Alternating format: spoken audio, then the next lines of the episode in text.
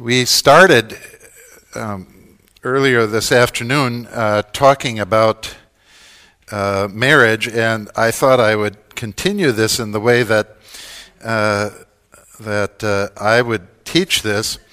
And I wanted to take the first part of my time with you tonight uh, to uh, use marriage as an example of how it is that we speak very differently about marriage when we have a God who is not preached, uh, as compared to speaking about marriage when we have a God who is preached. So, when uh, I've come to speak to you, I've wanted to stay very close to this theme over and over again that, uh, that Luther finally uh, came to in his Bondage of the Will right after responding to Erasmus's uh, exegesis of Exodus 18, which I talked about earlier. And that's when Luther says, we must speak, we must argue one way about God not preached, and we must argue another way about God preached. Uh, I don't know of any other theologian who has ever done that. This is the doctrine of God, what we teach about God, is directly tied to the preaching office. I don't think there's anyone else who has ever done this. And uh, when Luther does this, it's quite dramatic. It affects everything else that we do in theology and that we preach about and the way we speak about things in the church. And one of the ways that it affects us is the way we speak about marriage. But before I get to the details of the difference of speaking about marriage uh, with an unpreached God or a preached God, I have to give you one more form of the teaching of the hidden God that I haven't quite touched on, but I'm sure most of you have already anticipated. And to do that, I have to use the uh, child's game uh, that uh, I used to love uh, playing with grandchildren um, hide and seek. Now, I just spoke to my translator, and he told me in Norwegian it is only hide. so you go off and hide, and no one looks for you. I mean, uh, I feel so sorry for you. I have to help you a little bit with this. We, we want you to hide, but then we want someone to come and seek you. This is uh, not a fun game if you go out and hide and no one comes. This is, uh, this is no fun. But uh, when we play the game of hide and seek, we actually learn something about how we have to speak about God hidden uh, when He is not preached and hidden when He is preached. Sometimes in the game of hide and seek, we hide in order not to be found. If you hide too easily and someone finds you too quickly, this is no fun. This happens when your uh, grandchildren are very, very young. And uh, when you tell them to go and hide, they just go and stand over uh, in the other part of the room. And then immediately, when you turn around and say, I'm coming, they jump up and down and say, I'm over here. They, they are, they're afraid that you won't come and find them. So they tell you immediately where they are. Then you have to teach them, no, you have to really go and hide now. So I don't find you right away. But then again, if you hide so successfully and so well that nobody can find you, this uh, is also no fun. So, in the game, you have to hide so that a person does not find you right away.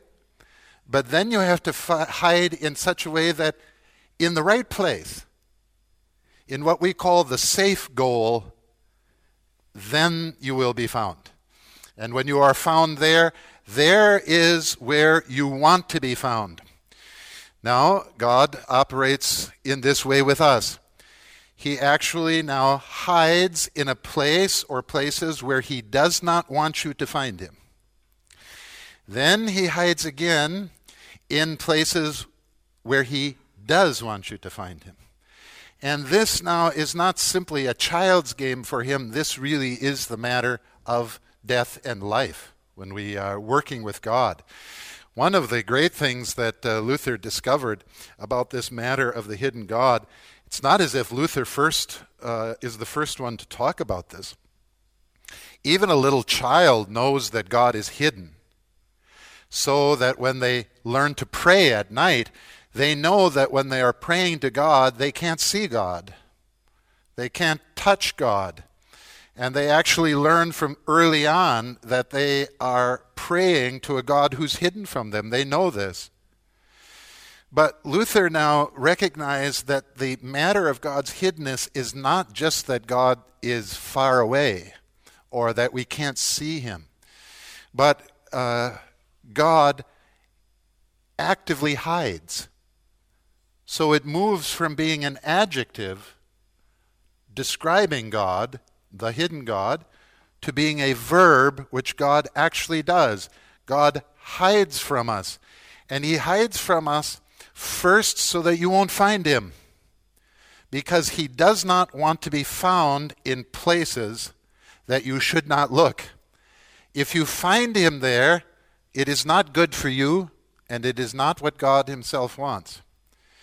But he also now uh, locates places precisely where he wants to be found. And there now he makes himself available. There is where he jumps up and down like a little child and says, Don't miss me, I'm right over here. This is where I want you to come and find me. And that dialectic, that's our fancy word, that movement is what we uh, mean now uh, by, um, by proper worship of God giving God his due, uh, not seeking him where he does not wish to be found, but rather finding him precisely where he wants to be found.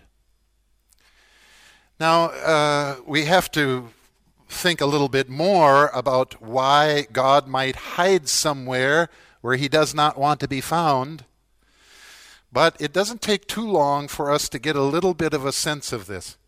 We won't know everything about what God has in mind when He's hiding from us, but we do know that in some places, in some ways, finding God where He does not want to be found is not good for us. Um, when I was a pastor, I would have people in the community tell me that the reason they didn't go to church was that they preferred to find God in some other place than in the church. And they almost always told me the same thing. I prefer to find God on the golf course. this is where they preferred. So I would rather find my God on the golf course and not in the church. So I would always say, Well, how is that going for you? Have you uh, uh, golfed par or not? How, is, how are you finding God out there? And when you're finding God out there on the golf course, of course, it is always measured on how well you're golfing. I suppose uh, here in Norway you don't do this, but what do they say? I don't want to find uh, God in the church. I want to go uh, and find him on the mountain, looking over at the fjord, right? and there I will find my God laid out before me. But there is a problem here with this God.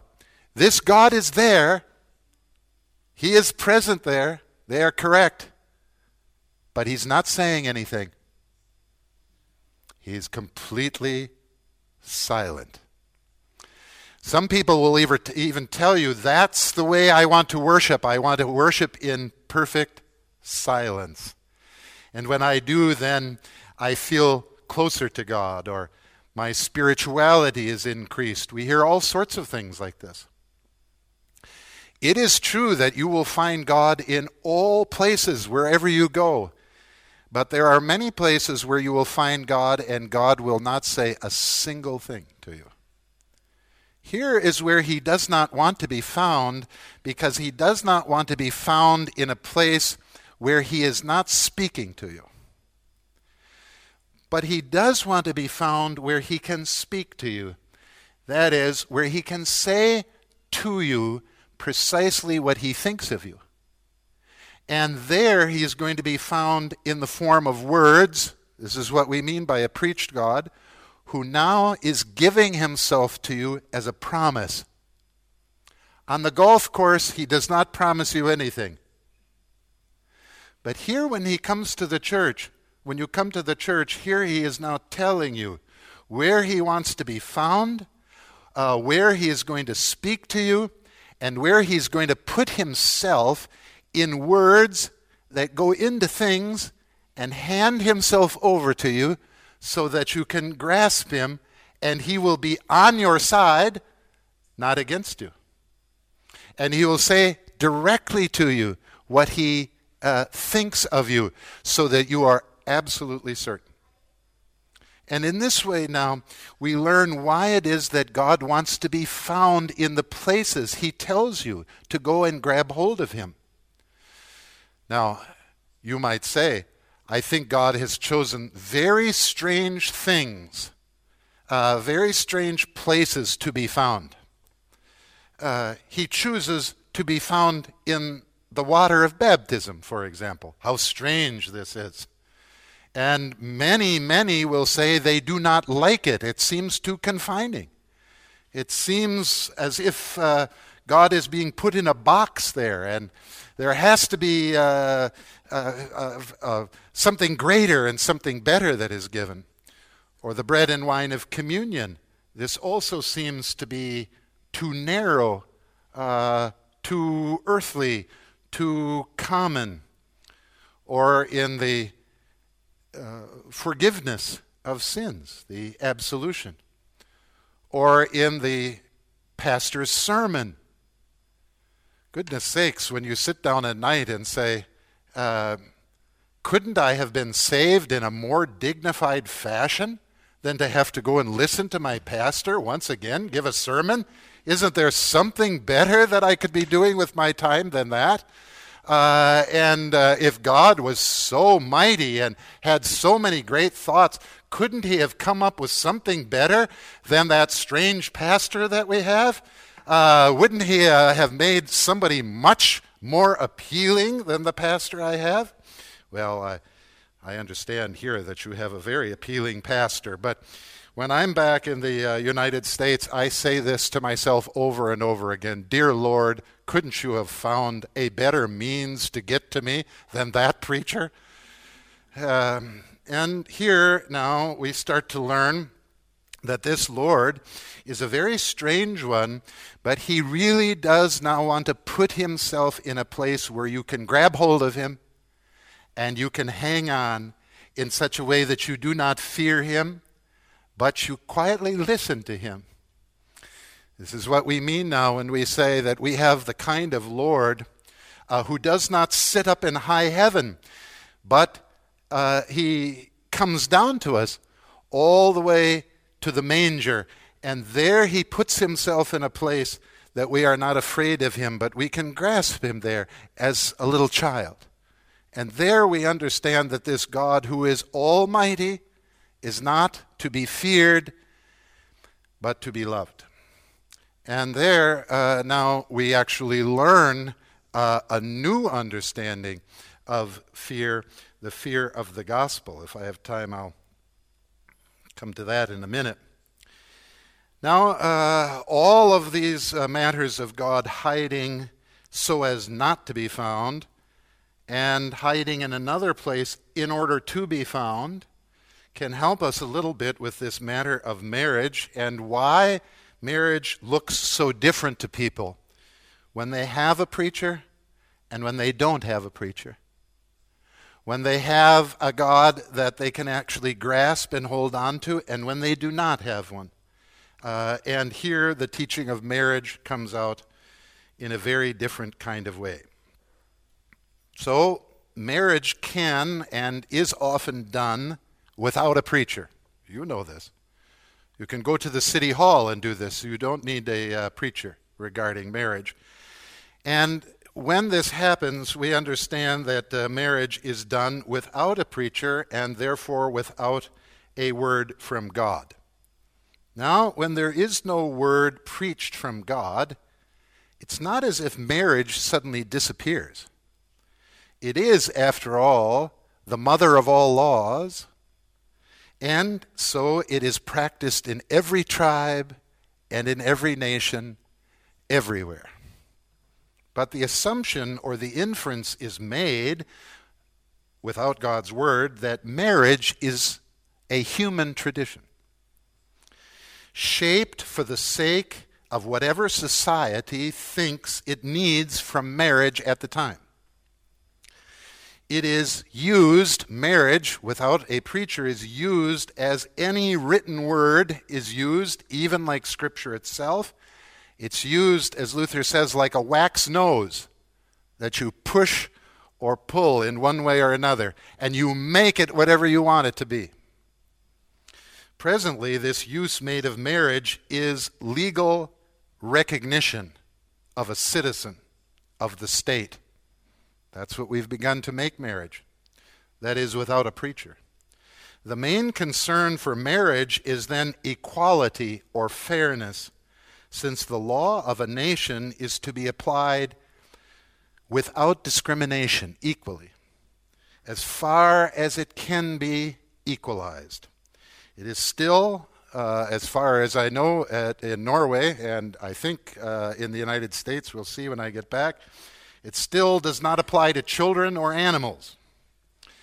But marriage is taken as a product of the government, so that the government will tell you what it is. The government then demonstrates its authority by refusing to discriminate on the basis of identity, since the way I identify myself, tell myself who I am, is not free if I am not publicly identified by others exactly as I identify myself. So, as a citizen of the state, I believe I need marriage to recognize me as a human who is exercising the legal freedom to love whomever I choose, which is in turn a key part of what I consider my identity the way I am picked out from the group and told that I am worthy or recognized or approved. Well, this use of marriage to recognize my uniqueness, my identity, by qualifying for equal treatment under the law, has some limits, even yet. The person I love, according to the state, must have equal ability to exercise freedom in choosing me back. I have to choose them and they have to choose me back. So it is my choice and the other's choice at once. That is, marriage is the public recognition of my freedom to love whomever I want. And love is understood here as pleasure. What gives me pleasure? Without denying pleasure to another of equal ability uh, or without denying the choice that another can make. So, uh, supposedly, children, animals, pedophiles are excluded, but they are excluded not theoretically. We have another uh, issue in the United States. It's been a long standing issue with Mormons, with plural marriage, and what actually makes a true marriage here how many can be involved, and so on. But here, without a, without a preacher, one uses marriage entirely as an instrument of the law, since that is all a person knows and all a person has without a preacher. And in that case, now, uh, I have no divine word concerning marriage that comes to my ear. And consequently, when I have no preacher, I have to use marriage to justify myself, to be worthy of the law's recognition, and to be worthy of equal treatment, the same sort of treatment that my neighbors get. And in this case, I want recognition of my choice of love or pleasure. Now, what happens, on the other hand, to marriage when I do have a preacher? When I actually receive a word from God? Here, marriage becomes a means, but not a means of my recognition or the recognition of my free will by the state. That is, it is not the means for me to prove my equal worth under the law. It is not a means of approval at all, and most especially when I have a preacher, my marriage is not recognition of justification by the state. Instead, it is no longer your means to pleasure, but it is God's means of using you for his divine purpose, which is creation. When God says to Adam and Eve, Be fruitful and multiply, or the man will leave his father and mother and cling to his wife, God is not recognizing Adam and Eve for the purpose of pleasure according to e- equal treatment of the law. What God is using them for is his own purpose of creation of other creatures. And of course, we have a name for this. This is called procreation. I'm creating with God. This is what God means by making Adam and Eve in his image, the famous imago Dei, the image of God. The image of God is not understood privately once God has put his word in marriage. But it is understood, the image of God is understood for the good of all society, not just the state, but for what we come to call the order or the estate, which God calls the family. And the family is not the same thing as the state. The state can recognize family, but it cannot rule family or create family. The state has a limit here.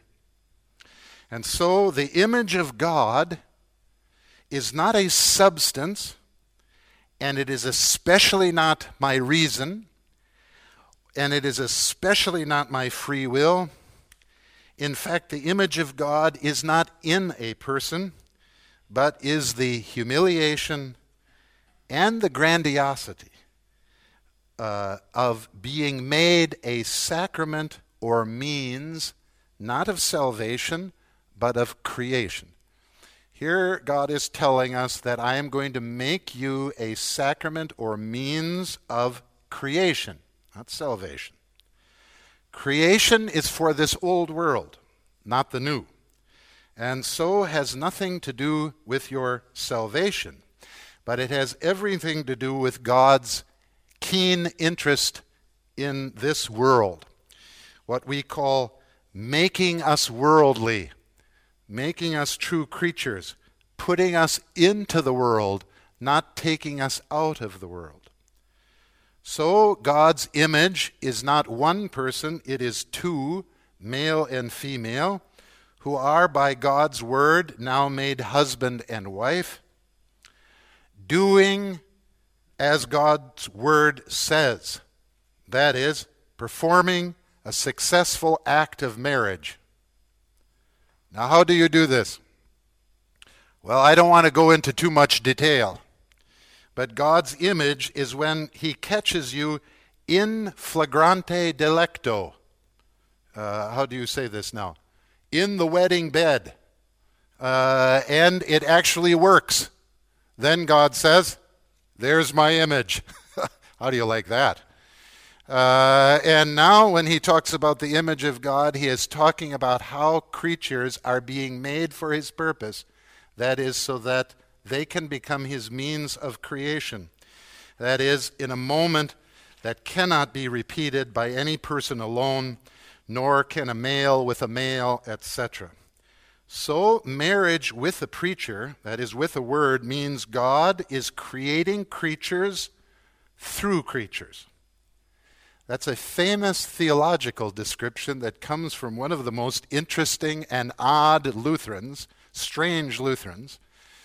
Uh, that may be uh, an oxymoron, uh, since every Lutheran you're going to come upon is rather strange.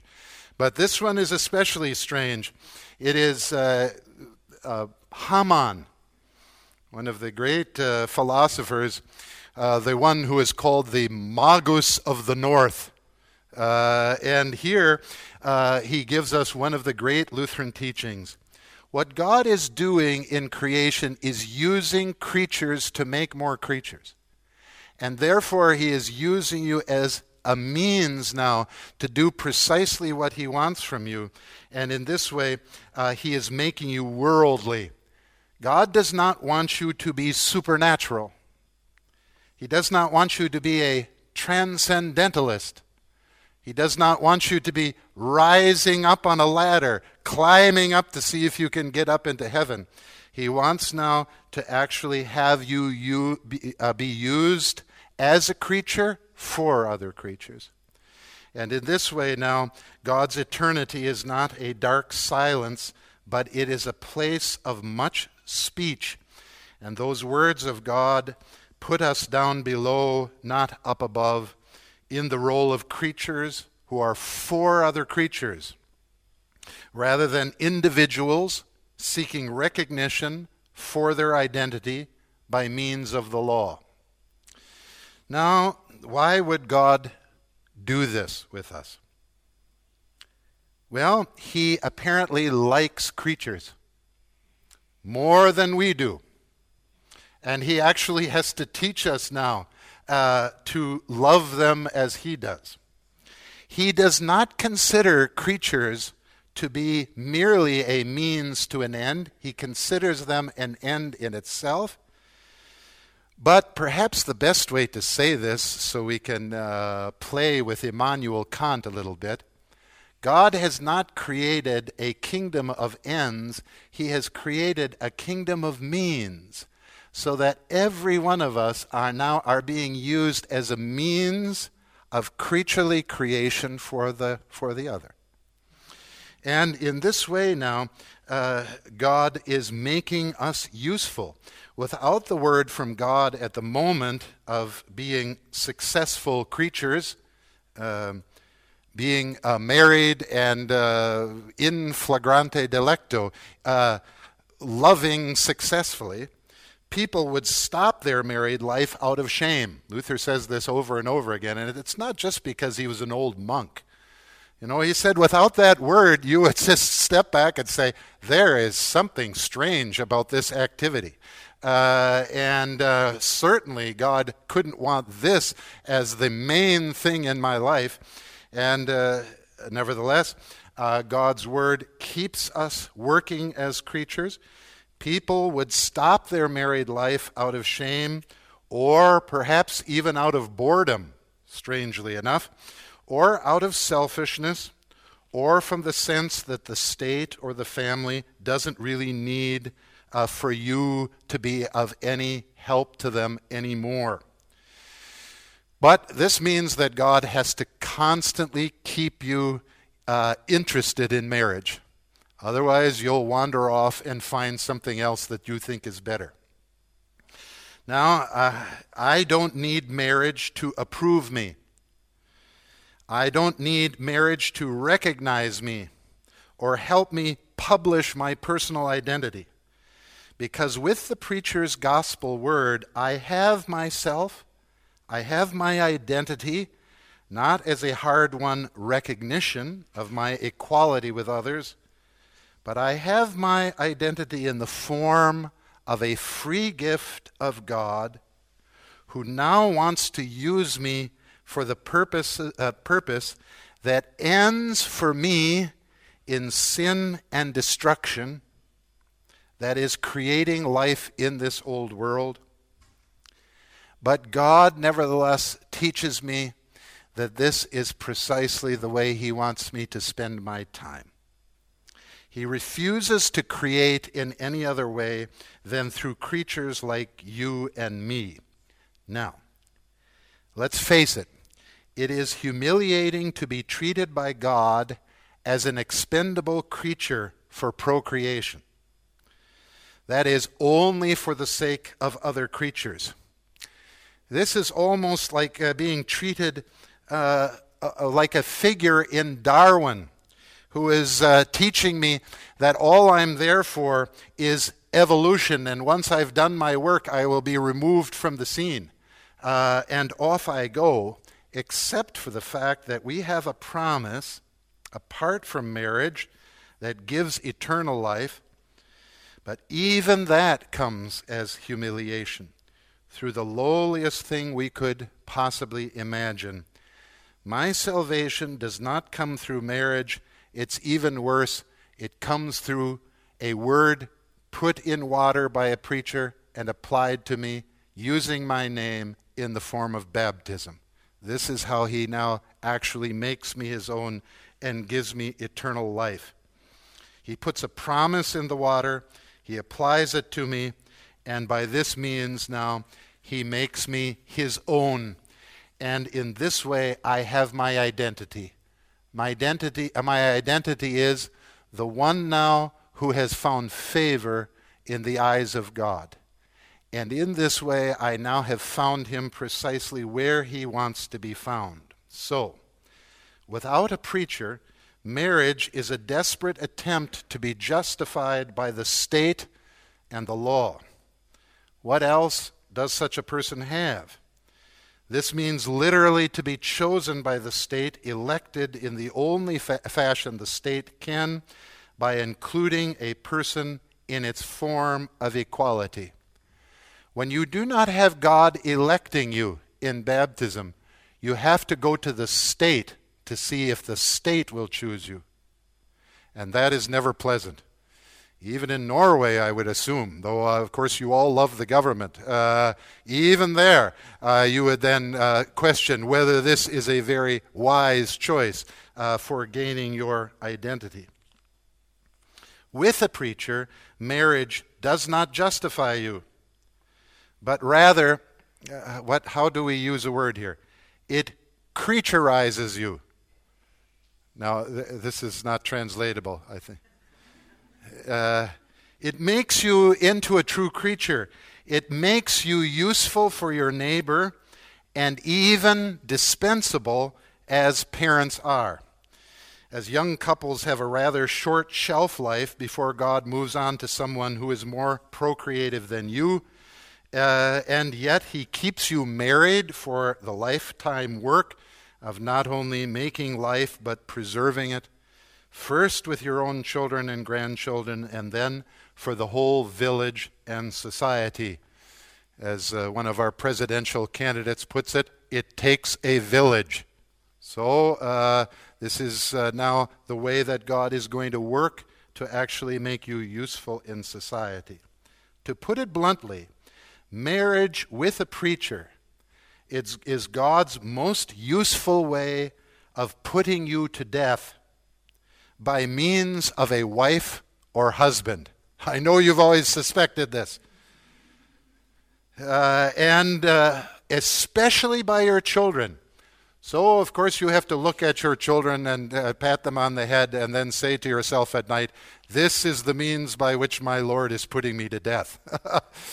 well, it could be worse. Uh, there could be worse ways of going, you know. And here, uh, God is making you useful for the purpose of reducing evil and increasing life, while He holds your children and your grandchildren, etc., in readiness for the hearing of the gospel. This is a high and exalted office.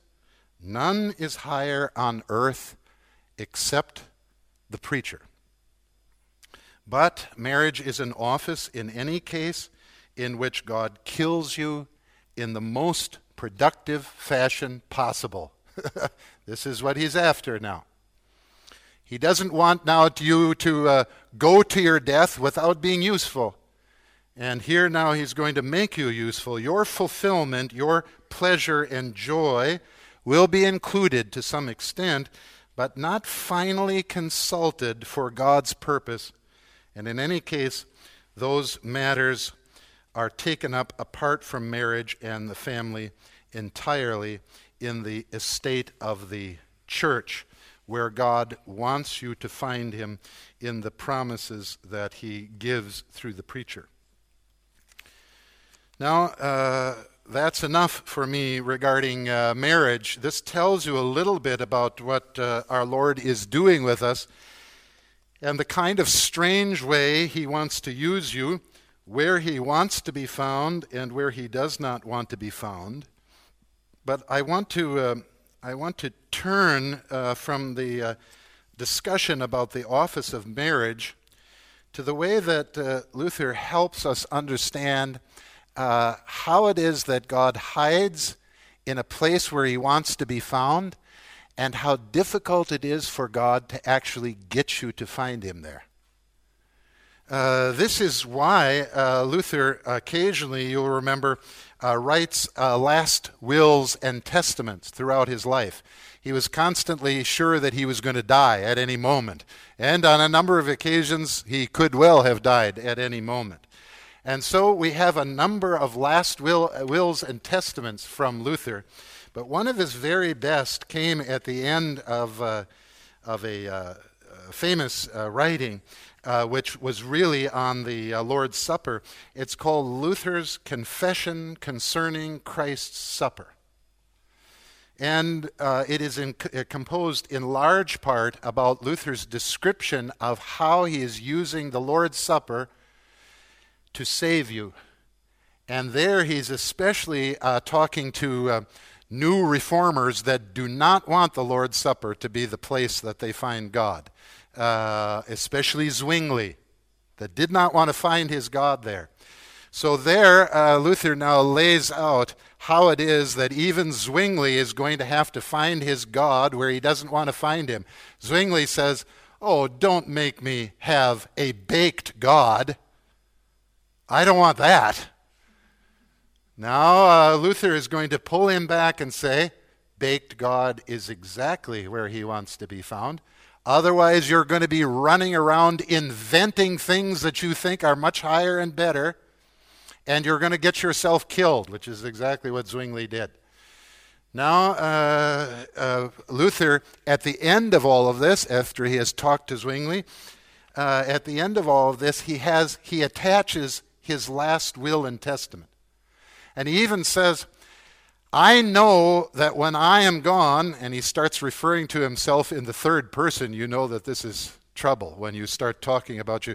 When he says, when old Luther is gone, I know what is going to happen. Everybody is going to quote me, and they're going to say, Luther said this, Luther said that. So I want to stop all of that, and I want to give you my last will and testament. This is what I want to say, and uh, the rest I want you to be quiet about. So he sits down and writes this out.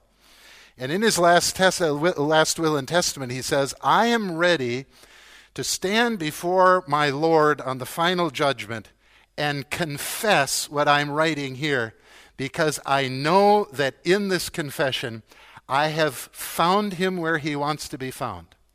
Better yet, he has found me. And this is what he wants to come out of my mouth. This is what he's wanted all along. And he begins, as we heard earlier today, I think it was the, in the section on Wisløff, if I remember right, the reference to uh, Isaiah 65, verse 1, that says, I have been found by those who did not seek me. I have shown myself to those who did not ask for me. So Luther makes this the masthead of his last will and testament. And then he proceeds to make out his last will and testament in three little parts one part for each part of the creed. And you remember that the creed is not talking about what you are to do, but what God has done for you. You remember this. So there the creed is laid out in its three parts so that we hear what God the Father does for us, what we hear uh, God the Son doing for us, and what we hear God the Holy Spirit doing for us. The first part, of course, is God the Father. What does God the Father do for us? Luther says, God gives himself to us as the Father in creation. So, for the first time, God comes to us and he gives himself to us in creation. The Father gives himself to us not just in part, but wholly and completely. These are lovely words from Luther. He keeps repeating them. He says, Our God does not just give you a little part of himself, he gives the whole of himself, and he gives it completely and entirely. The reason I like Wisløff so much here is that Wisløff has taught us especially the difference between a beneficium and a sacrificium. This is one of the great teachings that has come to us from Wisløff. And Wisløff says, look, you have to learn the difference between a sacrifice and a benefit. If you can't know the difference between these two, then you will not understand how your God comes to you, uh, whether it is in the Lord's Supper or whether it is in creation itself. A sacrifice is something that we offer up to God, but a benefit is what God is stooping down to give to us. And when He gives this to us, He's not simply giving an object to you, but He's giving Himself to you here. This is why when we read uh, Wisløff, we read uh, his wonderful book as it's translated for us in English, The Gift of Communion. And so now he is talking about how he comes and gives this to us as a gift. The first kind of communion, however, God gives is by the Father in creation. And the Father gives himself to us, not in part, but wholly and completely. And he does this in the created things. This means God does not want us to find him up in high heaven. He wants us to find him in the things of creation. And when, he, when we find him in the things of creation, then we actually have him as the Father who provides everything we need day by day even though we worry and fret that we will not have enough, whether it is the bread or a house or a family, God provides all of these things. But then Luther steps back and he says, God did this from the beginning with Adam and Eve. He gave himself in created things, but Adam and Eve did not want to have him in the tree. They did not want to have him in the things of creation. They wanted to look through the things of creation to see what God must be behind all of this. But God did not hide behind the things of creation, He was in the things of creation. So Luther pauses and says, God was giving himself from the very beginning to us in the things of creation, the apple of the tree, uh, the good things of the garden, providing everything we need for life, but we did not want him there. This is not only true of Adam and Eve, but this is what it means to have inherited sin. None of us want God in the things that he provides because we want something that is higher and mightier. And so we look right through the things as if there is something greater out above. So Luther says, now what is God going to do when he gives himself to us in the fruit of the tree and in the bread we eat in the morning and in the children we have, especially when they're crying and need their diapers changed? Here now, you remember, God Himself is calling out for us. This is where He wants uh, to be found. But we don't want to find Him there. What is God to do? Well, Luther says here now we have to go to the second article of the Creed. When God gives Himself in the created things and we do not want Him there, then He does not stop to give Himself to you. He now comes to you in a new way. He comes to you in His Son, Jesus Christ. And when He comes to you in His Son, Jesus Christ, uh, He comes humbly, a baby in a manger, born of a woman, under the law. And there in Jesus Christ, he comes to us and he gives himself to us a second time, wholly and completely, withholding nothing, providing everything to us through Jesus Christ.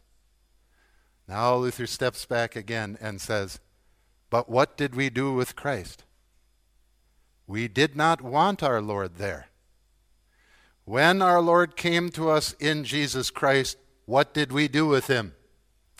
There are many uh, books, uh, uh, Christian books, written about what Christians would do if God ever, if Jesus Christ ever appeared to them. And they always gave an explanation. If Jesus Christ appeared to me, I would treat him much better than the Jews treated him or the Romans treated him. If Jesus came to me, I would befriend Jesus. Luther knows much better. When God comes to us in his Son, Jesus Christ, and stands before us, giving himself wholly and completely, we turn up our noses and say, I would, not, I would rather find my God somewhere else. This is far too small. This is what we mean uh, by uh, the theology of the cross that takes the 53rd chapter of Isaiah and says, We did not find him comely. That's the old uh, English translation. When we looked at Jesus, we did not see something that we thought was beautiful. In fact, we thought he was ugly, that he was discardable, and we treated him precisely this way. And so, Christ was raised up upon the cross, God giving himself to us there. And uh, now uh, the question rises again What will God do when he has given, us, uh, given himself to us in the created things and we did not wanted, want him, and he gave himself uh, in his Son and we did not want him there? Now Luther turns to the third article of the Creed. And he says, God now comes to you a third time. And in the third time, he now says, I have found the way to give myself to you in such a way now that, uh, um, that there will be no more no and no more rejection. And the way he does this is to create the preaching office. When he creates the preaching office, he now says, I come to you a third time, and I come to you through the voice of the preacher, which is now put into the things of the sacraments themselves. And here now I bestow myself to you wholly and completely, withholding nothing. I begin now with baptism. Then I take you to the Lord's Supper. I give you now the absolution, the office of the keys, over and over again. I give myself to you in the sermon, and lo and behold, I now have the way that you cannot say no to. Here is where he says, uh, The Holy Spirit makes faith where and when it pleases him, and this is where it pleases him. So here now he comes to us a third time in the Holy Spirit through the office of the preacher. And in this way now, he finally gives himself to you in a way that you take, receive, grasp, and hold. And when you have your Lord in the promise of baptism, there you have him once and for all. And there you can hear what he has to say to you. He now says to you, You are mine, I have claimed you. It is I who have named you, and in this I forgive you all your sin. When now we receive this particular promise, we receive all of God, and He has now found those who did not seek Him. He has now found the way to get to you, even though you in every way said no. And in this way now, we have the work of the Holy Spirit who takes the preaching office, and from this word, that we often call an external or sacramental word, he makes faith wherever and whenever it pleases him. And lo and behold, it has pleased him to do it with you. And in that way now, you have actually received your Lord so that he is no longer hidden from you, but now belongs to you wholly and completely. Now, several times I have talked to uh, some of you about what it means for God to come to us in these things of the preaching office and bestow himself to us so that we have him in this promise, especially when Scripture and our own minds wonder about what God was doing from all eternity. Here is where Karl Barth objected to Luther and objected to the whole understanding of receiving God in the sacraments themselves. Here he says the uh, problem with Luther is that Luther taught us to run away from the God not preached to the God preached, but when we had the God preached, then we kept looking over our shoulder and wondering what that terrible, angry God was doing back there. And we never truly believed. This is Barth on the matter of uh, Luther and why he rejects Luther's teaching uh, on the, uh, the uh, God who is hidden uh, outside Christ and outside his word. But here now we have to understand what Luther is saying. When you have the Holy Spirit, in the words of forgiveness, you have Christ. When you have Christ, you have the Father. When you have the Father, Christ, and the Holy Spirit, you have not just a part of God, but you have all of God. There isn't any other God anywhere else. This is why Luther says, and it's quoted, of course, in the Formula of Concord Imagine my surprise to come to Norway and to realize that you actually read the Formula of Concord. This is quite impressive to me. Uh, but uh, here it's repeated in the uh, Formula of Concord, the eighth article, where Luther says, um, I have no other God than this man, Jesus Christ. There isn't any other God haunting or uh, hiding in any other place. But it is true that the minute I let go of this promise and I turn around and decide I want to find God somewhere else than in this promise, He will be there. But He will not be for you. There, of course, you wander back to the matter of uh, what it means to have a God who's not preached. Well, what then does this teach us about our Christian life and even our worship? It means that when God gives himself in the preaching office, he puts himself into things like the bread and the wine, the water, in the mouth of the preacher, in sermons that are sacramental, as we say. The word itself is sacramental. And in this way, now, the one who receives uh, God in, uh, in the word knows that there is nothing greater, no other place to go for God and there is nothing more than you want that you want in life but to go back again and get it the same way again. So here I always think about reading books to your grandchildren at bedtime. Your grandchildren have special books that are their favorites. And you sit down now as grandparents or parents and you read their favorite book to the child.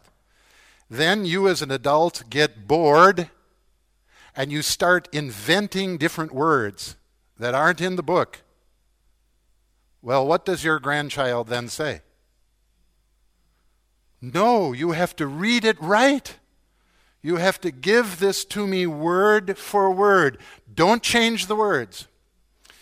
This is what you do now with your preacher. You come back over and over again and you say, Read that book to me again. Then, when the preacher goes off on some sort of grand theological opinion, you say, No, that's not what I want. I want those words to be said to me again in the exact same way. And when I hear these words now said to me in this way, then I cling and hold to my God. I have him wholly and completely. I look nowhere else. I do not think that there is any other God anywhere else, and nothing gives me greater joy than to hear this uh, word of the gospel over and over and over again. So, this is what it means, of course, for us to enter into the eternal life. It is not that we enter into the eternal arithmetic structure of God's mind in the form of the law. This is not what this is.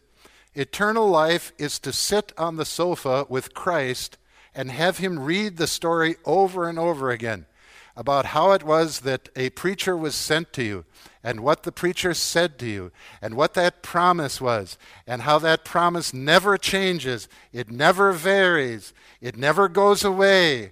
It isn't a different word. And every time you turn to your, to your Lord uh, and Christ and say, Is any of this untrue? Do you lie to me? Then, of course, we hear what we have heard throughout in Scripture God does not lie to you. And when he says to you, You are mine, I have chosen you, I have claimed you, you are now forgiven, he doesn't lie. And these now are the words that make up our eternal life. We will never hear anything else uh, in heaven than these words over and over and over again. Well, I think that's enough for tonight. Uh, uh, thank you for this. We do have another uh, talk uh, yet tonight. Good. My, uh, my teacher uh, will give you now uh, the word.